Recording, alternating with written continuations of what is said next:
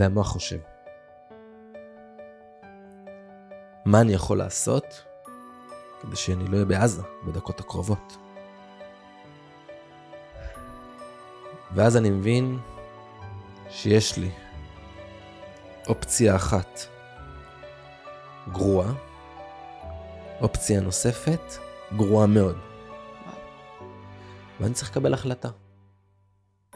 אופציה אחת, שאני הולך לעזה, ואני לא יודע מה קורה איתי. אופציה נוספת, שאני מנסה לברוח, 99% יורים בי בדרך, ואני מת, שאולי זה עדיף מלהיחטף. אחוז קטן שאני אצליח.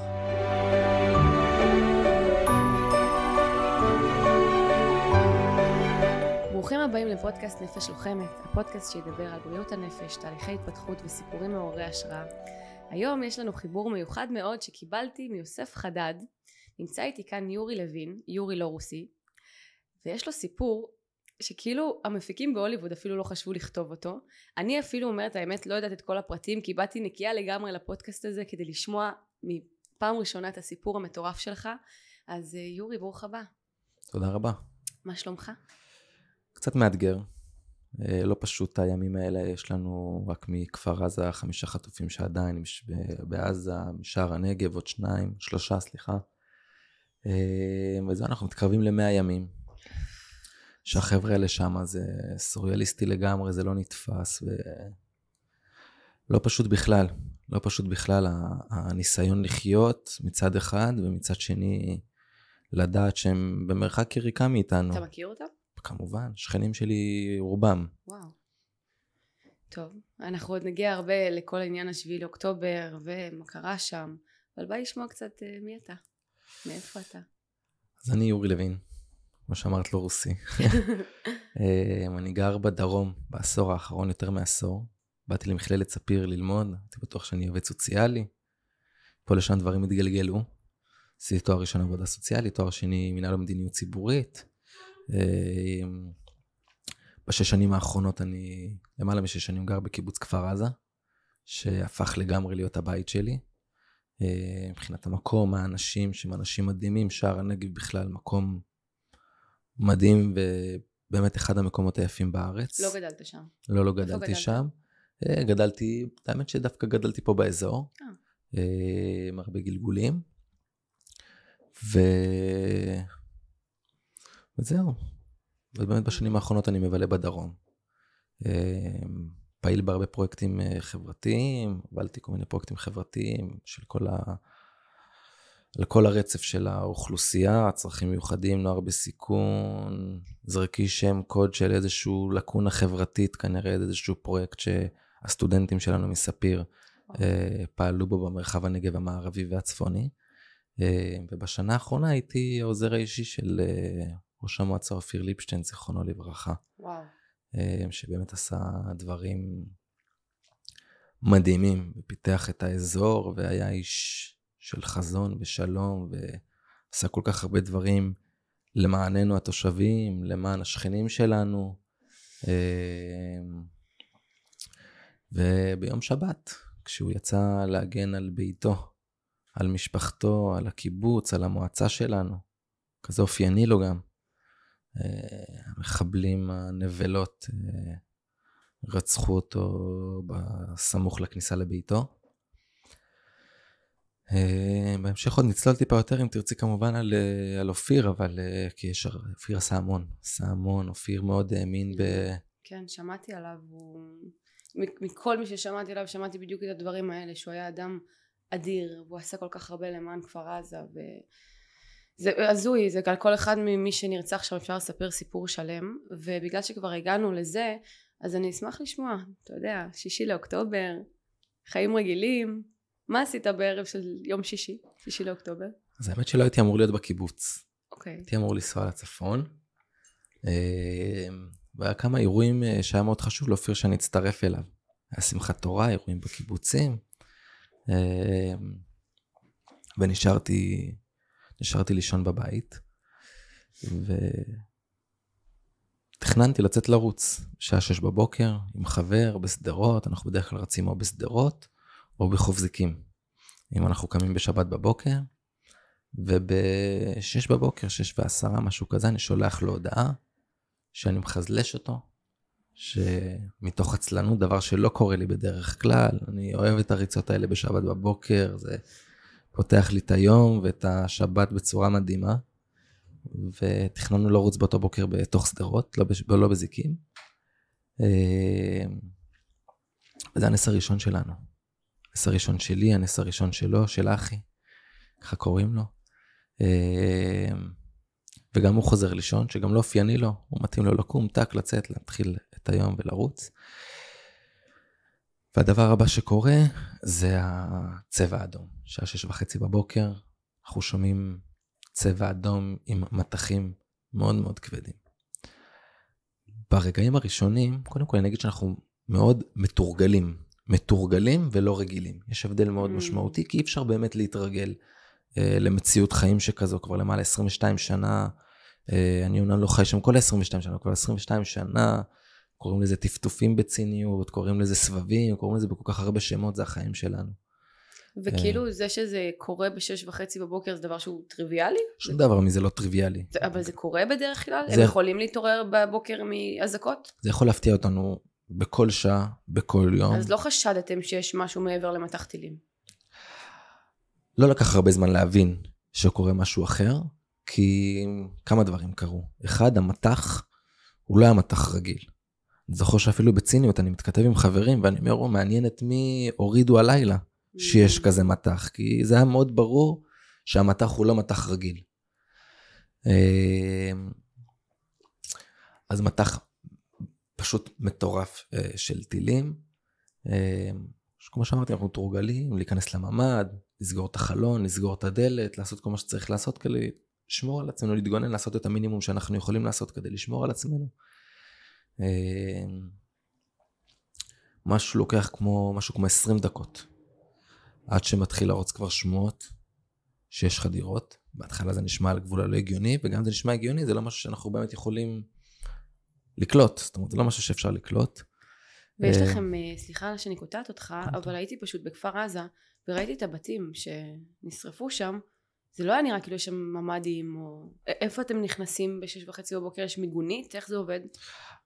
עוטף עזה, כל עוטף עזה, שבע קילומטר מגבול, הרצ... מגבול הגדר. אה, על פי חוק, אני לא זוכר, לדעתי 2006 או משהו כזה, כשהיה אולמרט, אה, הוציא חוק למגן את כל, ה... כל דירה, mm. כל בית בעוטף, יש לו אה, מרחב מוגן. Mm. היום זה כבר חוק בכל מדינת ישראל, שכל בית צריך להיבנה בצורה כזו. אבל זה ממש החלטת ממשלה שהממשלה לקחה ו... ובנתה בכל עוטף עזה. אני ספציפית גר בשכונת הדור צעיר. שכונת הדור צעיר, עד, לפני, עד שהיה ממ"דים. עד שבנו את הממ"דים, הדירות בעצם היו חדר אחד גדול עם איזשהו מטבחון, mm. זה היה הסקיילים של הדירה, ובעקבות המרחבים המוגנים, בעצם זה מוסיף לנו עוד חדר. Mm. אני באופן אישי, כמו אני חושב כמו זה, אני חושב כמו כולם, הממ"ד הוא בעצם החדר שינה, בטח בשכונת הדור צעיר, גם מטעמי נוחות וגם מטעמים שהם מאוד ברורים לכולנו. כן. אמ, לא, אז כמו שאמרתי, אני נכנס, אה, ב-20 דקות לוקח בערך עד שאנחנו מבינים שיש פה אירוע אחר. בסביבות השעה 7 בבוקר אני מקבל 6.51. אה, אני שולח הודעה לאופיר, בוקר טוב, איך אני עוזר לך? אה, ואופיר לא ענה, ולצערי גם לא יענה. ואני עוד לא הבנתי, מבחינתי הייתי בטוח שהוא לא עונה, כי יש טירוף, יש בלאגן, ואת יודעת, יש לו הרבה דברים להתעסק בהם. אמ, בשעה הזאת הוא כבר נרצח? אני חושב שקצת אחר כך. לא יודע להגיד במדויק, אבל אני חושב שמאמין שחצי שעה אחר כך כבר הוא... כבר לדעתי נרצח. אמ, אני מקבל תמונה מחבר שגר בשדרות, חבר טוב, שהוא מצלם מהמרפסת בבית שלו את הג'יפים ואת החיילים, את של החמאס, הולכים ברחובות, והוא כותב לי, יורי, רוצחים לי פה אנשים מול העיניים. זה שעה שבע בבוקר פלוס מינוס, ואני מתחיל להבין את האירוע. הוא אומר לי, רוץ תנעל את הדלת של הבית. עכשיו זה מצחיק, כי הדלת של הבית שלי זה בתים ישנים של הקיבוץ משנות ה-60 בערך, והדלת היא גם פלוס מינוס מאותם שנים, דלת קרטון מעץ. אבל אני הולך ונועל את הדלת של הבית, חוזר לממ"ד, סוגר, שוכב על המיטה, וכבר בשלב הזה אני כבר שומע יריות בתוך הקיבוץ, קבוצות הוואטסאפ של הדור צעיר, של יד שנייה, יש קבוצת יד שנייה, כל קבוצות הוואטסאפ בקיבוץ, מתחיל חרבו דרבו. ממש. חבר'ה צועקים שיש להם מחבלים בחצר. מישהי אחרת אומרת שאבא שלה ירוי בכניסה לבית וחייבת עזרה וחייבת פינוי. וכאלה הודעות אנחנו מתחילים לקבל. זה רצף של הודעות. יש לנו מחבלים בסלון, יורים עלינו, רוצחים אותנו. אמ, במשך מהשעות האלה, במשך שעות, קבוצת הוואטסאפ, מצד אחד, נותנות לנו המון אינפורמציה, נותנות לי לפחות הרבה אינפורמציה, ככה שאני יודע מה קורה בתוך הקיבוץ. אה, שמצד אחד זה מעדכן אותי, מצד שני זה רמת הפחד והחרדה והתחושות שאי אפשר להסביר במילים, רק עולות. וזה הולך ומתחזק עוד יותר כשהמחבלים שלי, כשהמחבלים ממש מחוץ לחלון שלי, של החדר שינה שזה הממ"ד. הבית שלי ממוקם, הוא הבית שממש הכי קרוב לגדר בעצם של, של הקיבוץ. בחלון של החדר שינה שלי אני רואה את הבתים בעזה. ואחד הכניסות של המחבלים לקיבוץ היה 100 מטר, 150 מטר בערך מהבית שלי. אה, ממש מתחת לשכונת הדור צעיר. אה, הבית שלי הוא בית פינתי. מה שהיווה עבור המחבלים האלה, הטרוריסטים האלה, אה, מקום מאוד אסטרטגי גם להיות בו. Mm. כי הוא גם קצת מוסווה והוא גם פינתי, זאת אומרת שהם גם יכלו לעבור משם וגם להסתתר שם. במשך שעות, צרורות, קרבות, שלא נגמרות. אתה חמוש? אני לא חמוש. אני... כפר עזה אנשים חמושים? יש אנשים חמושים, כן. הרבה? אה, יש לא מעט, לא מספיק. בטח לא בשביל אה, לחסום. את יודעת, יש פה יחסי כוחות, אנחנו מדברים על איזה 300 מחבלים מול כיתת כוננות. קלצ'ניקוב, כן, זה לא... קלצ'ניקוב ותחמושת אינסופית. צריכים להבין שבמשך שעות, תקשיב, במשך שעות שאני יושב במעמד, יש יריות בלי סוף. ואני מנסה להבין מאיפה, קודם כל מאיפה הכמות תחמושת. כמות התחמושת שלא נגמרת. והם יורים בצרורות, הם לא יורים כמונו בבודדים. ואתה נעול בממ"ד כאילו? אני נעול בממ"ד. וואו.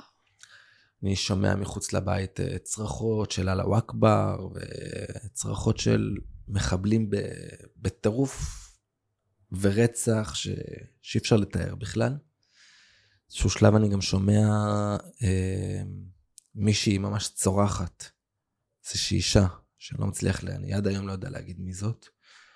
אה, יש לי כל מיני השערות, אבל אני לא באמת יודע מי זאת הייתה. אה, בשלב מוקדם יותר, מהפחד ומההבנה שאני שומע יריות מחוץ לחלון, ואני שומע יריות אל תוך הבית, אני שומע יריות על הדלת ממ"ד, זאת אומרת, אל תוך חדר שינה אני שומע יריות על הממ"ד. אמ, ואני מחליט שאני נכנס מתחת למיטה כדי להסתתר. אחד הדברים שאני עושה לפני, אני מכסה את המיטה, אני כאילו מסדר את המיטה, כמו שאני מסדר אותה בבוקר לפני שאני יוצא, אני מסדר אותה גם כן, אמ, כדי, מתוך מחשבה שאני אומר אם המחבלים ייכנסו לממ"ד, הם יראו את המיטה מסודרת, הם יחשבו לעצמם שאין אף אחד. וכשאני מתחבא, אני מתחבא בפינה מאוד מסוימת. אה, גם מתוך מחשבה שאם הם ייכנסו והם יחליטו לראות, אז אני בפינה הכי פחות מסוכנת. אה, לא אכנס לאף אחד, בטח לא אכנס לאף אחד לחדר מיטות ואיך הוא ישן, אבל אני ישן בדרך כלל בצורה מאוד מינימלית, ככה נוח. אה, וזה מה שיש עליי. וזה מה שיש עליי. אני נכנס מתחת למיטה, אני שוכב בשכיבת עובר בפינה, פינה שהיא הכי רחוקה מהדלת, והיא ממש מתחת לחלון של הממ"ד. אמ,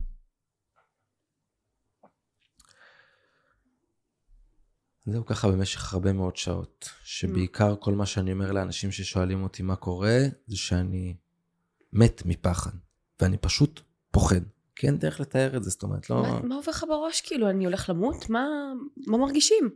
אני חושב שבעיקר מה שעובר בראש זה איך אני שורד. וואו. זה איך אני דואג לזה בכל רגע נתון, ש... שמה שאני עושה בתוך גבולות האפשר שלי, משאיר אותי בחיים. כי אני מבין שהם בכל מקום. הם בכל מקום. מהקבוצות וואטסאפ, כמו שאמרתי מקודם, ככל שעובר הזמן אני מבין עוד יותר את גודל האירוע. ואתה נמצא בוואטסאפ בזמן שאתה מתחבא ככה? אני נמצא בוואטסאפ, עוקב אחרי, אה, אחרי מה שקורה בקיבוץ. אני עוקב, אני עוקב בוואטסאפ אחרי מה שקורה בקיבוץ. אה, באיזשהו שלב, אה, מישהו כמו המשפחה שלי אומר לי, יורי, תפסיק לדבר עם אנשים בטלפון, תשמור סוללה. אני מחבר את הטלפון למטה נייד שבמקרה היה לי בחדר שינה. ושעות של פחד מוות. שעות שאני יודע ומבין שכל רגע הם יכולים להיכנס מהחלון או מהדלת, וזה נגמר. והם רוצחים אותי, הם חוטפים אותי, ולמה אני חושב גם שיחטפו אותי? איך אני מגיע למחשבה כזאת? שני דברים. אחד, האישה שצרחה. לא שמעתי יריות אחר כך, אז זה הדבר הראשון שאני אומר, אוקיי, יש פה אירוע אחר, אם היא צרחה ולא שמעתי יריות ברגע שאחר כך, מה שנקרא, אני מבין שחוטפים אותה. ודבר נוסף שקרה זה גם פה שאני לא מצליח לזהות מי זה היה, שמעתי מישהו שעובר צמוד לחלון שלי, ואומר אני לא מדבר ערבית, בזמן שמסביבו צועקים בערבית, ואני שומע שוב פעם, שאין יריות. אז גם פה אני מבין שחוטפו, שחוטפים אותו גם כן. במשך שעות הם לא נכנסים לבית שלך? זהו, אנחנו עכשיו בסביבות השעה תשע וחצי, עשר, פלוס מינוס, ששוב, כשיש יריות בלי סוף בשכונה, בתוך השכונה של הדור צעיר זה, בכביש, שזה הכביש מפריד בין הבית שלי לבעצם בין הגדר של הקיבוץ. צעקות, יריות, מלחמה, פחד שאי אפשר לתאר, פחד מוות. בסביבות השעה עשר, אני שומע ששופכים לי משהו לתוך הבית, ותדמייני ברעש, שכאילו את עושה ספונג'ה בבית, את לוקחת את דלי ואת שופכת את המים לרצפה, זה בעצם הרעש שאני שומע. ועד שאני שומע את הרעש הזה, אני שומע מהיריות שירו לי לתוך הבית, את כל הבית נשבר, אני שומע תמונות נופלות, אני שומע את היריות על הארון, שומע את היריות על הדלת. יש לי איזה 50 כדורים, 50 חורים של כדורים רק על הדלת של הממ"ד שלי. הדלת ממש מסורטטת כדורים. אמ, שומע ששפכים לי משהו אה, אל תוך. תוך הבית, ושנייה אחר כך אני שומע שאיזשהי צרור יריות נוסף. אתה מבין? אני מבין הכל. שזה נגיד, דלק כאילו? אני, בשנייה ששופכים אני לא מבין. אוקיי. בשנייה שיורים אני מבין. כי אני ישר שומע את האש מתחילה להתלקח. ואני חושב שלצד כל הפחד, תחושות פחד שאי אפשר להסביר, אני לא מדבר על התחושות שאני שנייה אחזור אחורה ואני אגיד, תחושות שאני יושב שם מתחת, שוכב מתחת למיטה, מכווץ כולי, בפחד מוות. את יודעת, יש בי איזושהי תקווה ואמונה. מדינת הסטארט-אפ ניישן, הצבא הכי חזק כמעט בעולם. כיתת הכוננות מאתגר אותה? סבבה. הם בינתיים עודפים אותם. עניין של חצי שעה-שעה. וכל הצבא פה? מטוסים, מסוקים, חירניקים, יחידות מיוחדות. מפרקים את האירוע, מוצאים אותי החוצה. שעובר עוד חצי שעה. ועוד חצי שעה, ואני אומר, טוב, אז אולי לוקח עוד כמה דקות. ואני מדבר עם חברים, ואומרים לי, מנסים להרגיע אותי, ואומרים לי, יורי, הצבא בדרך. אני שומע טנק, בדיעבד אני מבין שזה איזה טנק או נגמ"ש שהם חטפו משהו. אני בטוח שצה"ל בחוץ כבר. והשעה עוד לא עשר בבוקר. שורפים לי את הבית. אני, ברגע שאני שומע את האש, אני מחליט לצאת ממתחת למיטה. מהממ"ד? לא, ממתחת, החדר שינה שלי זה הממ"ד, ואני יוצא בעצם מתחת למיטה. אוקיי. למה אני יוצא מתחת למיטה? כי אני מבין שיש אש. מתחת למיטה זה, זה ריסקי מדי בשבילי, Mm, ואני אגיד שיחסית לאירוע אני מאוד בשליטה בגבולות האפשר שלי. לגמרי בגבולות האפשר. זאת אומרת, מה שקורה בתוך הממ"ד, שאני יכול לשלוט בו, ואולי בעיקר בעצמי, זה מה שקורה. זאת אומרת, אני לא, אני בפחד שאי אפשר לתאר, אני לא בפאניקה, אני לא ב freeze, אני לא באיזשהן תחושות שגורמות לי לא לפעול או לא לחשוב, אני, המוח עובד נונסטופ, אני מחשב עשר צעדים קדימה בכל רגע נתון, אה, אני יוצא מתחת למיטה. דבר ראשון שאני עושה, אני מוריד את השלטר של החשמל, מתוך מחשבה שיש פה אש וחשמל, mm, אז אני לפחות אנטרל את, ה, את הסכנה הזו. הדבר השני שאני עושה, אני משתין על הדלת של הממ"ד. עכשיו תדמייני, עזבי כל, הסיט, שכל הסיטואציה הזאת סוריאליסטית, אבל בתוך הסיטואציה הזאת, הבלתי נתפסת, המזעזעת, המחרידה הזאת, יש כל כך הרבה רגעים קטנים, שהם כשלעצמם בלתי נתפסים. תדמייני שאת בתוך החדר השינה שלך, וסליחה על, ה- על הפתיחות, תרגיש חופשי. את בתוך החדר השינה שלך ואת עושה פיפי בכוונת מתכוון. לא מפחד, מכוונת מתכוון בתוך החדר שינה שלך. אני משתין על הדלת, מתוך מחשבה שיש פה עשן ואש, ואני אנסה לחסום עם איזשהו טיפה נוזל, משהו. אה, הדבר הבא שאני עושה, אני לוקח את השמיכה שהייתה מסודרת על המיטה, עוד מההתחלה, שסידרתי אותה יפה כדי שאם הם ייכנסו אז הם אה, יחשבו שאין אף אחד בח- בחדר שינה, ואני בעצם מותח את המיטה, פורס אותה על כל, ה... על כל הדלת, כי. נכנס מלא עשן, כן. ואחרי כמה שניות אני אומר, אתה יכול להכניס את האש פנימה. אם השמיכה צמודה לדלת, אם בטעות תיגע קצת אש, אני זה שיכניס את האש פנימה. נכנס אומנם מלא עשן, אבל האש עוד לא, לא נכנסה. ואני אומר, אולי יש פה דלת של ממ"ד, היא חזקה, אולי היא מיועדת גם. אולי לשמור עליה גם מאש. לא יודע אם חשבו על זה, אבל את כל זה אתה חושב בזמן כל זה ש- אני חושב ואני פועל בהתאם לזה. וואו. ואז אני מעיף את השמיכה על המיטה. אמ, בשלב הזה אני חושב אני גם מחבר את הפלאפון, את הטלפון למטה נייד, כי אני צריך שיהיה לי בטריה לעדכונים, לעדכן, למה שזה לא יהיה. ו... ואז אני לוקח את הכרית, ואז מתחיל להיות לי קשה לנשום גם, כי יש מלא מלא עשן בתוך החדר. אין לי חולצה להוריד כדי לעשות מסכה, אז אני לוקח את הכרית, מוציא את הציפה ממנה, קורע אותה. עכשיו אני קורע אותה בזהירות, כי אני אומר, המחבלים יושבים לי מתחת לחלון. אנחנו זוכרים, הם יושבים שם כל הזמן, אני שומע את הקשר שלהם כל הזמן. בגלל שזה היה להם מקום אסטרטגי, יש שם איזה שני, כמה עצי ברוש כאלה שהם יכולים להסתתר גם. אוקיי. אז אני גם קורא את זה בזהירות, כי אני אומר, אם אני אקרא את זה חזק מדי, הם גם ישמעו את הקרע. כאילו, לאיזה רזולוציות אני כן, אני בהלם שעל כל הדברים האלה חשבת בזמן שיש לך מחבלים ששורפים לך את הבית מסביב. בזמן שאני כבר לא נושם כמעט, מרוב אני שורף לי העיניים ולא נושם. וקראתי גם רק צד אחד, כי אמרתי, קראתי צד אחד, מספיק לי צד אחד לקרוא. אני לא אקח עוד סיכון לקרוא גם את החלק השני של הציפה כדי לקשור, כי אולי זה יעשה רעש מיותר שלא בטוח צריך. אני קושר לעצמי, אני אעשה לעצמי אה, מסכה, שזה גם רגע סוריאליסטי. לקחת את הציפה ולקרוע. זאת אומרת, כשל... כמו שאמרנו, הכל, הכל זה סוריאליסטי. אבל יש פה כל כך הרבה רגעים שכאילו... עוד רגע מצחיק שקרה לי דווקא. מצחיק. כן. למה הוא מצחיק?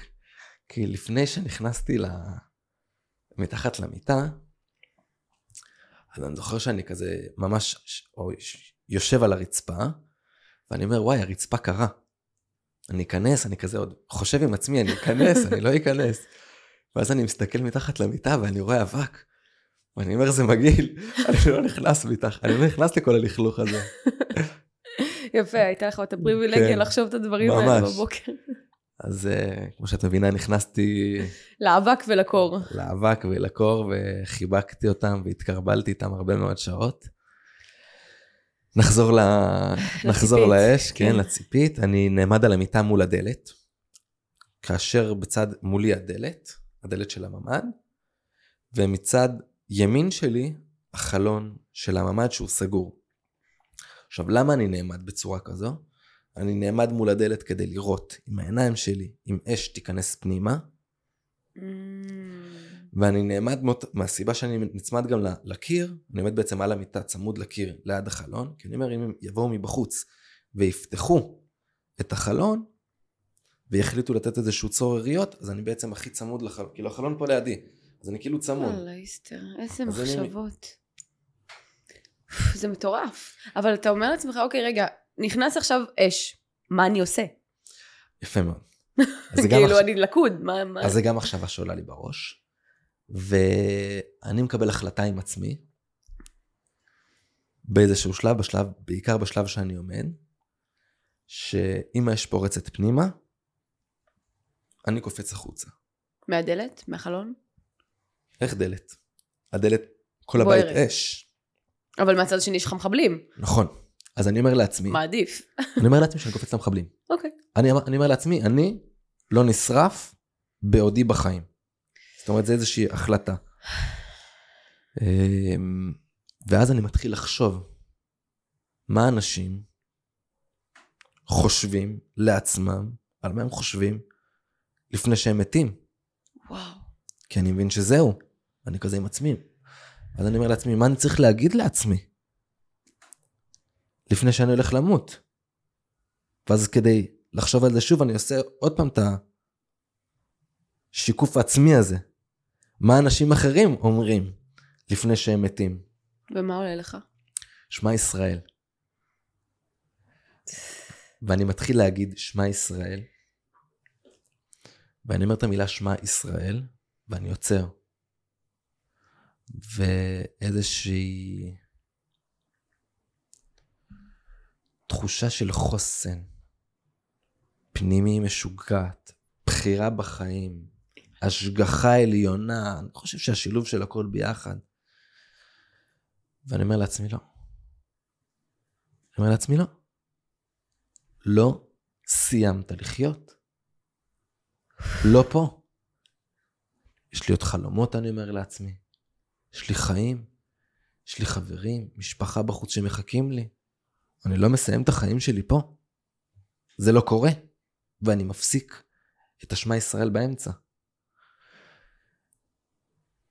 ואני כבר בקושי מצליח לראות, גם כי החדר מלא בעשן, כתוצאה מזה העיניים שלי שורפות ממש.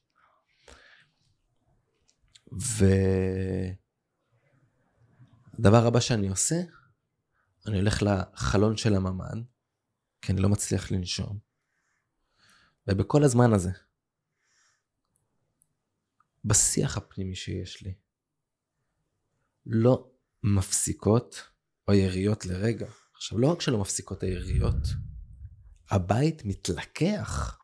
אני שומע את החפצים מתנפצים, את הדברים נשברים, את הכל הולך. יש איזשהו כאב על הדברים החומריים? או אין- שזה אפילו לא עולה זה לא עולה? זה לא עולה. זה לא עולה. זה לא עולה, בעיקר בעיקר מה שעולה, לפעמים אני מרגיש שאני צריך להתנצל על זה. שלא חשבתי על דברים אחרים, או, יודעת, לא יודע באמת להתנצל, איזושהי ציפייה כן. חברתית, של אמר לא חשבתי אולי על דברים אחרים, על, את יודעת, על אנשים מסוימים, על דברים. אני לא חושבת שבמצב כזה מישהו יכול לחשוב על שום דבר אחר חוץ מלשרוד. וזה מה, ש... וזה מה שבאמת היה. וואו. לא חשבתי על שום דבר אחר. יש לי עוד שאלה בנוגע לשמע ישראל. אתה אדם מאמין מלפני? אספר לך זאת סיפור. אוקיי. תוך כדי שאנחנו מדברים, אני זה שיחה פתוחה, תמשיך, תרגיש חופשי. עוד מחשבות ש, שקרו לי לפני. אז קודם כל, אני, אני נקרא לזה מאמין בדרכי. אוקיי. אני, ואני מאמין מאוד. אני חושב שאין דרך אחרת פשוט. זאת אומרת, הכוחות, הכוחות שלי הם מאוד מוגבלים. אה, אמנם יש הרבה, ואפשר להגיד על הכל, אני אומר שלי, אני מתכוון של בני אדם בכלל. אני חושב שאנחנו מצד אחד מאוד מאוד מוגבלים, יש בנו מאידך הרבה מאוד כוחות, ולפעמים קורה את הדברים שהם מעבר. ופה אני מאמין שיש פה איזשהו שילוב של השגחה עליונה מצד אחד, מצד שני השגחה עליונה לבד לא מספיקה. זאת אומרת צריך איזושהי תחושה, איזושהי תושייה פנימית, הרבה, איזה חוזק, נפש, חוזק נפשי מאוד חזק. אה, ורק בשילוב של שניהם אני מאמין שדברים אה, משמעותיים יכולים לבוא. אפשר גם לדבר על ה-FFFים, אבל זו שיחה, את יודעת, של בפני עצמה, איך היא באה לידי ביטוי במקומות כאלו. אבל לגבי האמונה, כששכבתי מתחת למיטה, אנחנו מדברים על שלוש שעות, זאת אומרת, השלוש שעות האלה אפשר לספר אותם כהרבה מאוד שעות של תחושות, של מחשבות, של שיח, של כל כך הרבה דברים שקרו שם, שאני זוכר את רובם. ו... לא יודע אם את רובם, אבל אני זוכר הרבה מהם. ואני זוכר איזשהו שיח עם אלוהים. וואו. שהיה לי שם מתחת למיטה. ואני זוכר שהתחלתי לנהל את השיח מתוך תחושה של פחד, מוות, של שאגות של אללה וואכבר וצרחות של אזרחים ברקע שנחטפים ו... והסרט ההוליוודי הכי טוב שיכול להיות לא יכל לכתוב תסריט של הרגעים האלו. ואני מתחיל לעשות דיל עם אלוהים. ואני אומר לאלוהים, אם תוציא אותי מכאן בחיים, אני מתחיל לחשוב עם עצמי, מה אני מקבל על עצמי. וואו. ואז אני אומר לו, אלוהים, אני תמיד אומר שאני אוהב אותך. בדרכי שלי. אין פה משא ומתן. אין פה שום משא ומתן. אני לא מתחייב לך לכלום. השתמשתי במילים אפילו קצת יותר גסות שאולי נחסוך. לאלוהים. ואמרתי לו, אתה מוציא אותי מפה. לא חייב לך כלום, אתה לא מקבל ממני כלום. אתה מוציא אותי מפה, כי יש בינינו יחסים של אהבה ללא תנאים, ואתה פשוט צריך להוציא אותי מפה. בלי יותר מדי, בלי התחייבויות, שום התחייבות. ושאלת על אמונה, אז בעיניי זה... זה אחד הרגעים אולי הכי יפים של אמונה בעיניי. תסביר. לפעמים אנחנו חושבים שיש פה איזה יחסים של תן וקח. וזה לא ככה. בסוף הוא רוצה שיהיה לנו טוב. אפשר לדבר על זה, על מה שהוא עשה לנו, אם זה מה שהוא רוצה, אז איך הוא עשה לנו אירוע כמו השביעי באוקטובר, אפשר לדבר על זה גם על השואה, ועל הרבה דברים גם קטנים בחיי היום-יום שלנו, שקורים לנו, שפחות מוצא, מוצאים חן בעינינו, עד למציאות קטסטרופלית שקרה לנו בשביעי לאוקטובר, ויש לי עליו הרבה כעס גם על זה. וזה בסדר, כאילו, אני יכול לכעוס עליו, אני יכול גם לשנוא אותו. זה, זה לגיטימי, זה חלק מהמערכת יחסים. אבל אתה עדיין מאמין בו. אני עדיין מאמין בו, כן. כי אמונה זה איפה שנגמר השכל, תמיד אומרים. בדיוק. אבל אני יכול לכעוס עליו ולשנוא אותו, זה לא סותר. זכותך. ולהיות uh, בכעסים ולקלל אותו, ו... ומצד שני, את יודעת, ולהיות פה בחיים גם. כנגד כל, כל הסיכויים. זה מה שנקרא פינתנו באמונה. וואו. כן, חיזקת. תודה. אה, אני אגיד לך מה, לגבי אה, אלוהים, זה תמיד איזשהו סיפור כזה שהוא... אני חושבת שהוא די לא מובן לרוב בני האדם, כי אתה יודע, נורא משייכים את זה לדת וכזה. אני תמיד אומרת לעצמי שאני דתייה. איך אני דתייה עם קעקועים ומתלבשת חסות? אני אוהבת את אלוהים אהבה לא הגיונית, כי אני רואה מה הוא עושה לי בחיים, אני רואה את ההשגחה הפרטית המטורפת, כמובן שלא משווה לסיפור המטורף שלך, אבל בסוף אני לא מסתכלת על אלוהים כאיזה איש שיושב שם עם זקן כזה ואומר אוי ואבוי הנה עונש אני מעניש אתכם אני עושה לכם שואה אני עושה לכם שביעי לאוקטובר מסתכלת על אלוהים כאיזשהו כוח שמניע את העולם. בסוף זה אנרגיה. זה משהו במחשבות שלנו זה משהו שסובב אותנו כמו שאנחנו רואים את המצלמות או את המיקרופונים את הזה. כל זה בסוף אנרגיה. וגם בורא עולם או השכינה כוח עליון איך שלא יקראו לו מבחינתי זה כוח שמניע את העולם. ולכוח שמניע את העולם יש חוקים. לא תעמדו בחוקים האלה לא כדי להעניש אתכם. זה מה שקורה זאת התוצאה. ואני רואה את זה גם כל פעם בחיים האישיים שלי. כשאני עושה דברים שהם נגד האמת האמיתית שלי החוקים של היקום הזה אני רואה את, ה, את התוצאות. וזה כמו שתאכל משהו עכשיו לא טוב לגוף. הגוף יקיא אותו או יוציא אותו בדרכים אחרות לא בתור עונש כי זאת התוצאה של מה שקורה. אם אנחנו בפילוג בשנאה בהסתה פשוט מזיקים נכנסים איפה שאין את האחדות הזאת. אז בגלל זה כשאתה מדבר ככה ואתה יודע הרבה אנשים שואלים איפה אלוהים היה בשביעי לאוקטובר?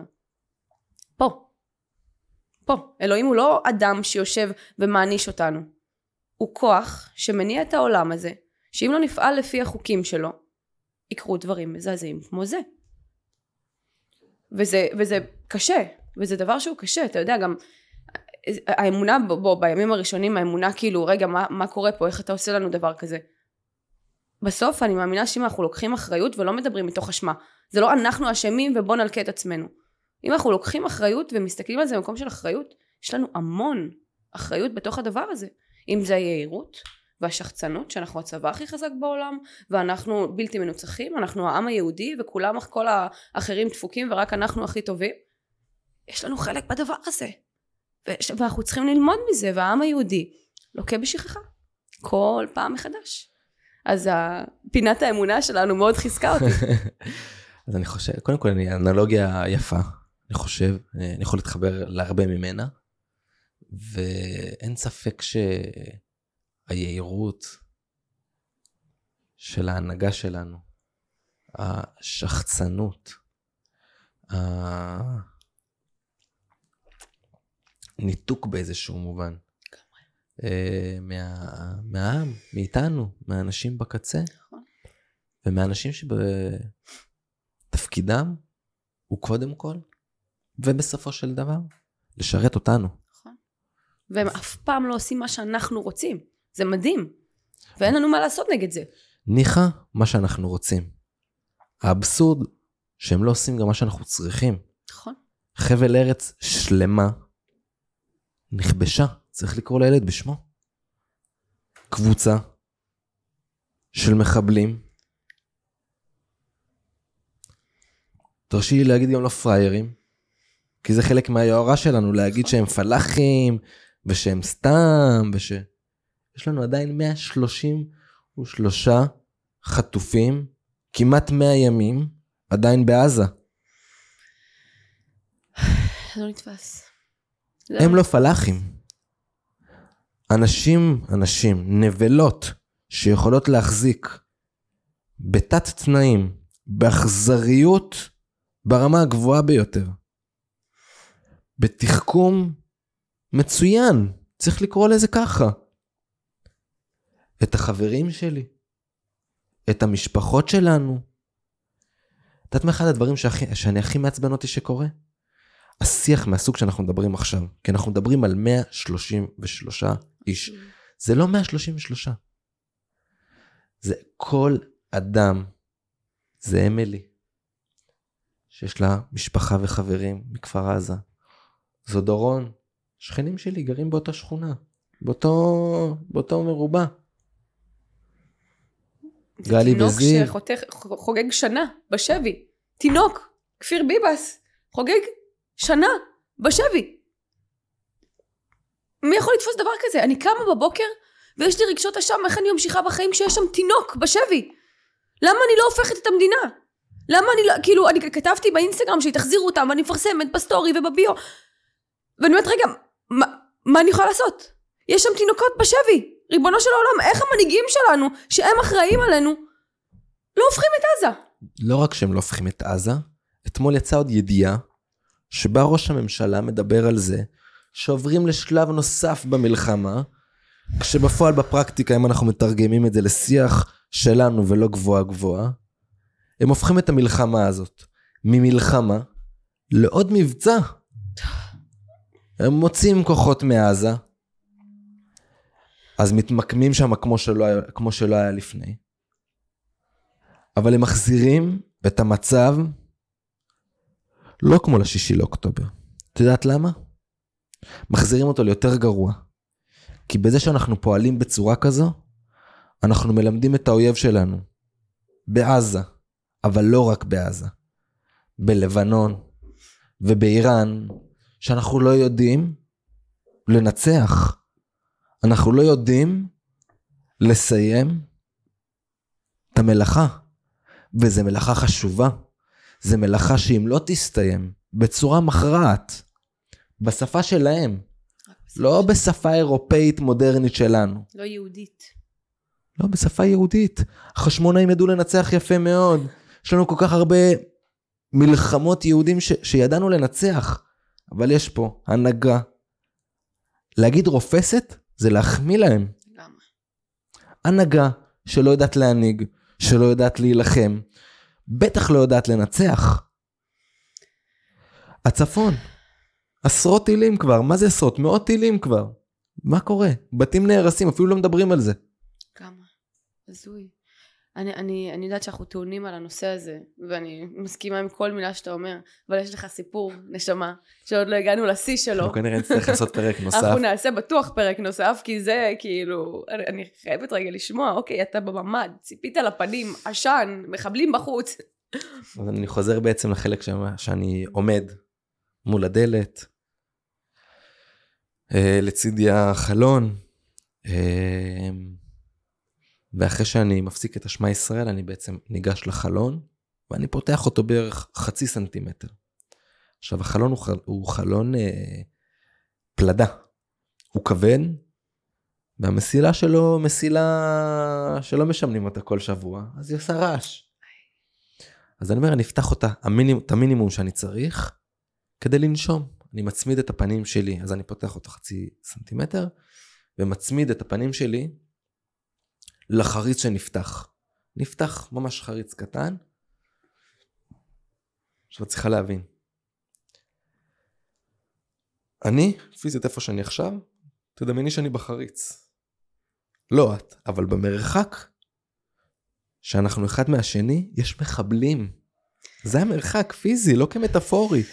אני שומע אותם, אני שומע אותם מדברים. וזה החריץ שאני מתחיל לנשום דרכו. אני נושם, ואני כל כמה שניות מסתכל אחורה. לדלת, כי כמו שאמרתי, שאם אש נכנסת פנימה, אני קופץ החוצה, כי אני לא הולך להישרף בחיים.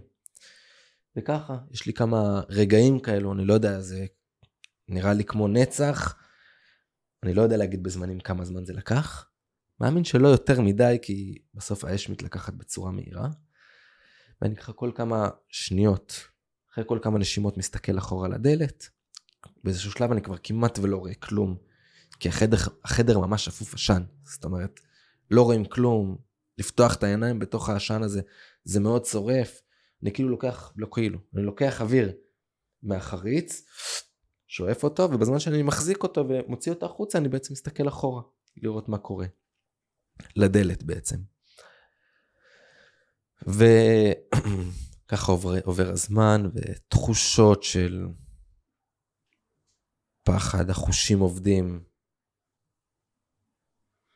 בקצב משוגע. ואז בנקודה מסוימת אני שומע פיצוץ מטורף מתוך הבית. באותו רגע חשבתי שזה רימון, בדיעבד אני מבין, אחרי שדיברתי קצת עם כוחות ביטחון והנזק שזה עשה וכולי, שזה כנראה היה משהו, משהו חזק יותר מרימון לא טיל או משהו, אבל זה היה איזשהו... RPG אולי? לא RPG, זה לא היה RPG, אבל זה היה איזשהו אה, מטען חבלה קצת יותר גדול מ, מרימון. אני שומע בום, אני קולט להבה ענקית נכנסת אל תוך הדלת מהלמעלה, לתוך החדר מהלמעלה של הדלת. וכמו שאמרתי, יש לי תוכנית, ואני עובד לפי התוכנית. בשנייה שזה קורה, אני רואה את האש, מרגיש חום מטורף על כל הגוף שלי.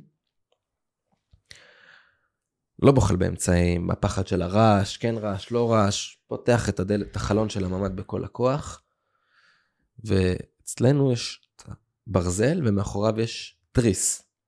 אז אני פותח את הברזל, מעיף אותו, בא לפתוח את התריס, והוא לא נפתח לי. אני בא לפתוח שוב פעם, הוא לא נפתח לי. שלוש פעמים אני מנסה לפתוח, עכשיו כל פעם שהתריס לא נפתח, לא שיש אוויר, אבל אני מת כל פעם מחדש. כאילו, אני הולך להישרף, אני הולך למות. ואני מקבל החלטה בשברירי שניות, מרים את הרגל לכיוון התריס, ופשוט מפורר את התריס, בועט בתריס, מוציא רגל וגוף, כאשר רגל אחד נשאר עוד על המיטה, ומחכה לי מול הפרצוף קלצ'ניקוב, עוד מחבל עם מניף לעברי סכין, מטבח גדולה כזאת, ועוד אה, נבלה עם איזושהי מגרפה וטוריה משהו מוזר, אני זוכר שזה היה כזה קטן וארוך, לא יודע, זה מה שאני זוכר. אה, מתחילים לצעוק, אני ישר מרים ידיים, עומד בחלון, עכשיו הממ"ד הוא גבוה מהכביש, הוא איזה שתיים וחצי מטר בגובה בערך. אני עומד ככה מלמעלה, תחתונים, בלי בגדים, מרים ידיים, עושה ניהול סיכונים, נותן מבט זריז, אה, ועושה איזשהו ניהול סיכונים מאוד מהיר, כדי לנסות להבין מי מהווה עבורי את איום הרצח הכי משמעותי והכי מיידי. וואו, אוקיי. הנבלה עם הנשק, עם הקלצ'ניקוב, לא ירה בי, הוא מסוכן, אבל הוא לא הכי מסוכן. הנבלה עם הסכין, עוד שנייה, בחוויה שלי שוחט אותי, רצח בעיניים, הם בטירוף. והמחבל השלישי טיפה יותר מרוחק. כשאני אומר יותר מרוחק זה נדבר על עוד 30 סנטימטר, לא עכשיו מרחקים של, הם במרחקים של מטר עד מטר וחצי ממני כל אחד מהם. אני מרים ידיים ושם יד על החזה, לעשות להם שפת גוף, כנוע לחלוטין, אני לא בא לריב, אני לא בא להילחם, אני לא בא להתנגד, אני שלכם. ואני מודע לזה, שאני צריך להיות בשפת גוף כנועה, ולא לעשות שום תנועות פתאום. אה, אתה רואה את הפרצופים שלהם? כן. כן. בני אדם רגילים, כביכול. נראים בני אדם, לגמרי. אחד הדברים שאני מתעצבן עליהם כל הזמן, זה כשכשאני מספר את הסיפור, אני קורא להם בחור, אני קורא להם זה.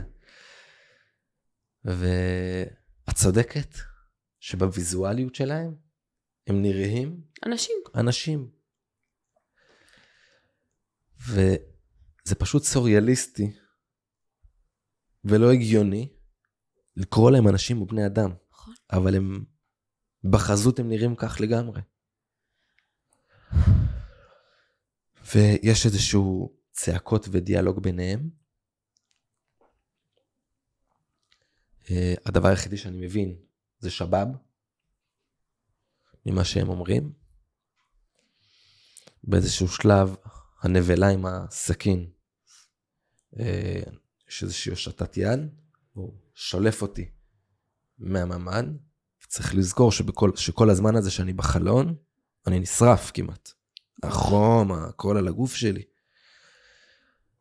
אה, מושך אותי, אני נופל על הקרקע, שתיים וחצי מטר, יחף, בלי כלום. מושכים אותי איזה שתי מטר, ל... ל... יש כזה מדרכה מול הגדר. יש שם רכב uh, עם חלון שבור. לפני, ש... לפני זה הוא מביא את היד שלו לכיוון האיבר מין שלי. בגלל הטלפון והמטה נייד שהיו שם, זה היה רגע שהייתי בטוח שהוא לא יודע מה הולך לעשות לי. פשוט שלף לי את המטה נייד מהתחתונים, אני מסדר את הפלאפון בחזרה, ולוקחים אותי עוד שתי צעדים קדימה, ואז הם שואלים אותי על המפתוח, אם יש לי מפתח לרכב, אני לא מדבר, אני לא מבין ערבית, אבל אני מבין את מה שקורה שם, אני בשלב הזה, כל השפת גוף שלי מכווצת, רפוי, רפויה, לא מכווצת, ממש כפופה. כל השפת גוף שלי אומרת, אני לא בא לריב, אני איתכם, אני קשוב. הם שואלים אותי אם יש לי מפתח לאוטו, אין לי שום מפתח לרכב, בדיעבד אני צוחק. אני אומר, מטומטמים. נצא מנקודת הנחה שהאוטו הזה שלי, הוא לא שלי. נצא מנקודת הנחה שהאוטו הזה הוא שלי. שנייה שלפתם אותי, משכתם אותי, חטפתם אותי מבית בוער. אין כלום. אין לי מאיפה להביא מפתח, גם אם זה האוטו שלי. בשלב הזה אני סורק ימינה ושמאלה את הציר, שזה בעצם הציר של הכביש החיצוני של הקיבוץ, כמו שאמרנו צמוד לגדר. אני לא רואה אני לא רואה לא עוד מחבלים ולא עוד אזרחים. אני רואה שהגדר פרוצה באזור של הכניסה של החקלאות, 100 מטר מתחת הבית, מתחת הבית שלי. אמ, והוא מתחיל אה, למשוך אותי. לכיוון הגדר. לכיוון הפרצה, כן. אחרי שתי צעדים, שניים, שלושה צעדים, המחבל עם הנשק והמחבל עם הסכין חוזרים לכיוון השכונה שלי, כדי להמשיך לטבוח ולרצוח את החברים שלי ואת הקהילה שלי בכפר עזה. והנבלה עם הטוריה והמגרפה מושך אותי פה מהיד, פשוט מושך אותי לכיוון כאילו אני איזה חתיכת אה, בשר או איזה משהו שהוא נתח קצבים שהוא מושך אותי. ובגלל שהוא מושך חזק אז הפלאפון גם מחליק לי. אני זוכר יש לי איזשהו slow motion כזה שאני זוכר שאני מסתכל על הפלאפון ומתלבט בכלל אם להרים אותו. אה, לא כי חשוב מבחינה חומרית אלא בוא. כי אני מבין שזה אמצעי תקשורת שאני שיכול כנראה להציל אותי בכל רגע נתון. ואני מקבל החלטה מהר מאוד, וגם כי הוא מושך אותי בצורה ברוטלית מאוד, אז אני מבין שאני לא מתכופף להרים שום דבר. ואני הולך, הולך, אני נמשך לכיוון הגדר. ואני מבין בדיוק לאן אני נמשך. והמוח חושב, מה אני יכול לעשות כדי שאני לא אהיה בעזה בדקות הקרובות. ואז אני מבין שיש לי אופציה אחת גרועה, אופציה נוספת גרועה מאוד. וואו. ואני צריך לקבל החלטה. אופציה אחת, שאני הולך לעזה, ואני לא יודע מה קורה איתי. אופציה נוספת, שאני מנסה לברוח, 99% יורים בי בדרך, ואני מת, שאולי זה עדיף מלהיחטף. אחוז קטן שאני אצליח, שהוא אחוז קטן של תקווה או של שלוש מטר לפני שהוא מוציא אותי מהקיבוץ, אני מקבל החלטה. אנחנו ממש יורדים מהמדרכה לכביש, וברגע אחד אני מקבל החלטה שאני בורח, אני לוקח את היד שלי, מעיף אותה מהיד שלו, ומתחיל לרוץ לכיוון, לתוך הקיבוץ. בעצם זה איזשהו מגרש חניה מאוד מאוד גדול, חצץ, אני מתחיל לרוץ, אני שומע אותו מאחוריי צועק, צועק אליי, צועק לנבלה עם הנשק, שיבוא כמה שיותר מהר. אני לא מסתכל אחורה, אני רק שומע. אני מסתכל קדימה ומנסה, לא מנסה, ואני מחשב את המסלול. אני מבין שלרוץ לתוך הקיבוץ, לכיוון שחשבתי בהתחלה, זה לא ריאלי. כי אני רואה את הרכבים של החברים שלי עולים באש. מולי יש עוד שכונה של דור צעיר, שחוסמת לי את הריצה לכיוון ממש תוך הקיבוץ. אז אני רץ לכיוון שנקרא רצפות הירוקות, זה עוד שכונה של צעירים, ולכיוון מגורי סטודנטים. אני רץ משהו כמו 400 מטר, יחף, בלי כלום. מסביבי צרורות של יריות, צרחות, מלחמה, בכל מקום. ואני רץ, אני מסתכל ישר ולצדדים, ישר ולצדדים. וכל רגע אני עושה חישוב, איפה הכי בטוח לי לרוץ. אחרי 300 מטר שאני רץ, שאני מבין שהם לא הצליחו לתפוס אותי, בציניות אני אומר, השלמתי את הריצת בוקר שלא קמתי בשש. אני מוצא איזשהו פיר צמוד למגורי סטודנטים, מסתיר אותו איזשהו סברס, מהר מאוד אני מבין שהוא לא מספיק טוב. כי אני מבין שאני חשוף. לא אכפת לי מהסברס, לא אכפת לי מכלום, אני לא חושב על זה. אני לא מרגיש את הרגליים, אני לא מרגיש כלום. עכשיו שרצתי 400 מטר עכשיו ספרינט על זכוכיות ועל אבנים ועל חצץ, אבל אני לא יודע על מה רצתי בדרך. אני מהר מאוד מבין שזה לא מספיק טוב, אני ממשיך לרוץ, 10 מטר מולי, יש איזשהו שיח שהוא צמוד לבניין של המגורי סטודנטים, שיח מאוד גדול, שיח גובה של איזה 2.5 מטר, 2 מטר, נפח מכובד מספיק. אני מחליט שאני קופץ אליו, אה, ואני נכנס אליו מכיוון של הקיר. למה מהכיוון של הקיר? כי אני מבין שזה מקום שאני יכול אה, להסתתר בו הכי טוב, כי בעצם הקיר מהווה בשבילי עוד מסתור. אני ממש מתיישב בתוך השיח. אה, השעה היא בערך עשר ורבע, עשר וחצי. אני יודע את השעות בגלל חישובים של טלפון, אחר כך של הודעות, מתי הפסקתי לתקשר וכולי. אז אני משער שזה באזור עשר ורבע. נכנס בתוך השיח, כל השיח דוקר אותי בכל מקום בגוף. פשוט מחזיק בגזע המרכזי של השיח, ומושך את עצמי כשאני, שיש לי ענפים בכל מקום בגוף שדוקרים אותי ומחלאים לי את האור, אני פשוט מושך את עצמי בכוח, במקסימום שאני יכול למרכז השיח.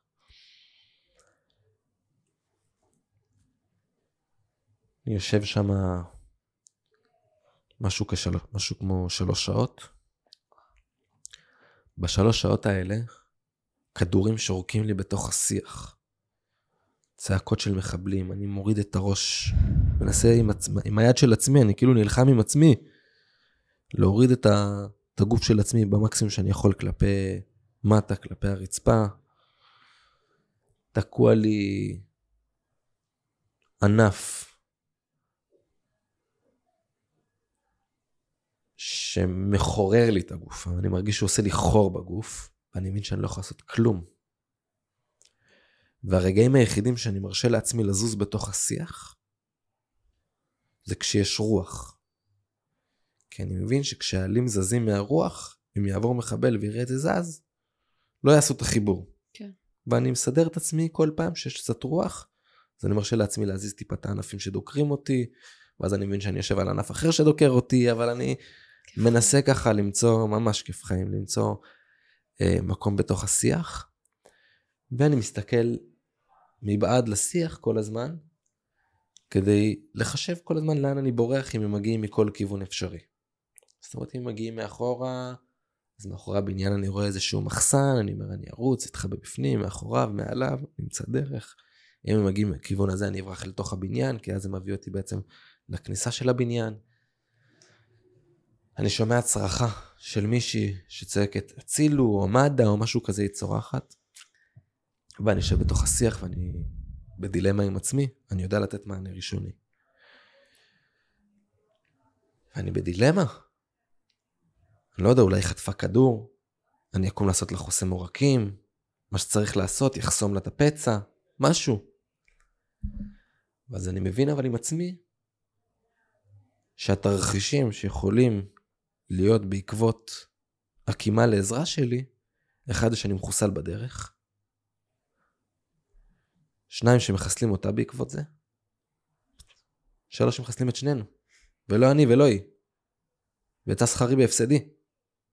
זה יצא שכרי בהפסדי, אני, אני מחוסל, אני רוצחים אותי. ואני מקבל החלטה ואני נשאר בשיח. אמ, אז אני יושב, ממשיך לשבת בתוך השיח, אני מקבל החלטה שאני לא יוצא אליה, לעזור לה, פחד מוות. אני חשוף. הדבר היחידי שאני חושב עליו, אם אני חושב על משהו שהוא לא על ההישרדות של עצמי, זה שאני היחידי שנותר בקיבוץ. אני mm. באיזשהו מחשבות ומחשבות, שעם הכמות ירי, צריכים להבין, אנחנו כבר קרוב לאחד בצהריים, הירי לא מפסיק. אני באיזשהו חוויה, בטוח, שיש סיכוי שאני היחידי שניצל. כי גם פה, אני אמשיך להגיד, איפה הצבא? למרות שפה זה כבר הרבה פחות, כי כבר התקווה, מה שנקרא התקווה מתה האחרונה, כמו שאומרים, אז uh, היא כבר לא... הרעש ההישרדותי הרבה יותר חזק מלחפש איזושהי תקווה. ה-state of mind הוא הישרדותי ברמות הכי גבוהות. כמו שאמרתי, מלחשוב על לזוז כשהעלים זזים, ועד מחשבות לאן אני בורח ולאיפה אני בורח בכל רגע נתון, אם מחבלים מגיעים מכל כיוון אפשרי. אמ, אפילו לקחת איזשהו ענף נוסף שהיה שם ולהסתיר אותי מעוד איזשהו כיוון עם היד בכלל. כאילו המוח עובד כמעט ב-100% רק על הישרדות של כאן ועכשיו. ואז יש נקודה שאני שומע קולות ממש קרוב לשיח. אני לא נושם, כי אולי נשימות יעשו, אבל אני בקושי נושם. ואני יוצא מהבית, אני בלי משקפיים, בלי עדשות, אני לא רואה טוב כל כך. אז הדבר היחידי שאני יכול לעשות זה לשמוע וטיפה להציץ בנהלים. ואני מזהה שזה עברית, אבל אני אומר, רגע, אולי זה מחבלים שמדברים בעברית. ואני קולט שזה גם לא מדהים של צה"ל. אז אני אומר, רגע. ואז באיזשהו שלב אני מבין שאני שומע עברית בלי מבטא, וזה עברית מה שנקרא עברית צחה, צחה ועברית תקינה, בלי מבטא ערבי. אני מקבל החלטה שאני אצא מהשיח. אני מרים ידיים, ותוך כדי שאני מרים ידיים, אני יוצא מהשיח. ממש מרים ידיים ויוצא מהשיח. הם היו ארבעה חבר'ה שלא לבושים על מדים. אני מרים ידיים, יוצא מהשיח, ארבעה נשקים על הראש שלי, במרחקים שונים. שנייה מלהרוג אותי. שנייה. הם היו דרוכים. לא חשבו שאתה מחבל? הם בעיקר לא הבינו מי קופץ עליהם באמצע הקיבוץ מתוך. שיח. אז ככל הנראה, האינסטינקט הראשוני, כל מי שזז בקיבוץ ברגע כזה, זה כנראה מחבל. וצועקים לי מי אני, צועקים לי בערבית ובעברית, מי אני. וכשאני יוצא, אני צועק תוך כדי צבא יהודי חייל, משהו כזה. זה בערך המילים שאני מצליח להוציא מהפה. אמ, היה אחד טיפה יותר רחוק ממני שממש עוד שנייה הוריד אותי. מסתבר שזה שלושה חבר'ה שבאו לחלץ את אחת השכנות, את אמילי. וואו. את אמילי שעדיין בעזה. אח שלה הגיע עם חברים, ולצערי אה, הוא לא הצליח לחלץ אותה. אולי הם הצליחו לנטרל הרבה מחבלים, אבל לחלץ אותה הם לא הצליחו. היא שבויה בעזה, עדיין. והם צועקים לי לבוא מהר לכניסה של הבניין. מה אתה עושה פה? מספר להם, אני אומר להם, שרפו לי את הבית, חטפו אותי, ברחתי, והנה אני פה. זה גורם להם להרבה מצב רוח, להרבה אנרגיות, איזה גבר, איזה תותח, משהו כזה, הם כאילו, אני רואה אותם כן. כאילו ממש מתמלאים ב- ב- באנרגיות וב- ובתחושות.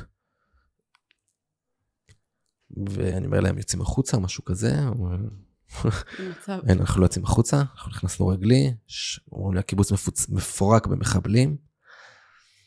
אומר להם, מה עושים? אני אומר להם, טוב, יש לי חבר שגר למעלה בבניין, קחו אותי אליו, אני אתחבא אצלו. אנחנו עולים למעלה לבניין, בניין מפורק. רצחו חבר בדירה השמאלית הראשונה. אתה רואה את כל אני לא רואה. אני לא רואה, זה דברים שאני יודע ב... נגיע לזה בהמשך, איך אני יודע מזה. אם אני עולה בבניין, אני עולה יחף, דורך על זכוכיות, לא מרגיש כלום, אין לי מושג, רואה בקומה הראשונה אה, נעליים. אז אני אומר, טוב, לפחות אני שיהיה לי רכוש כלשהו, כי, הרכוש, כי אני מבין שהרכוש שלי כרגע זה תחתונים ופלטה בשיניים בגדול. אז uh, אני בא לשים את הנעליים,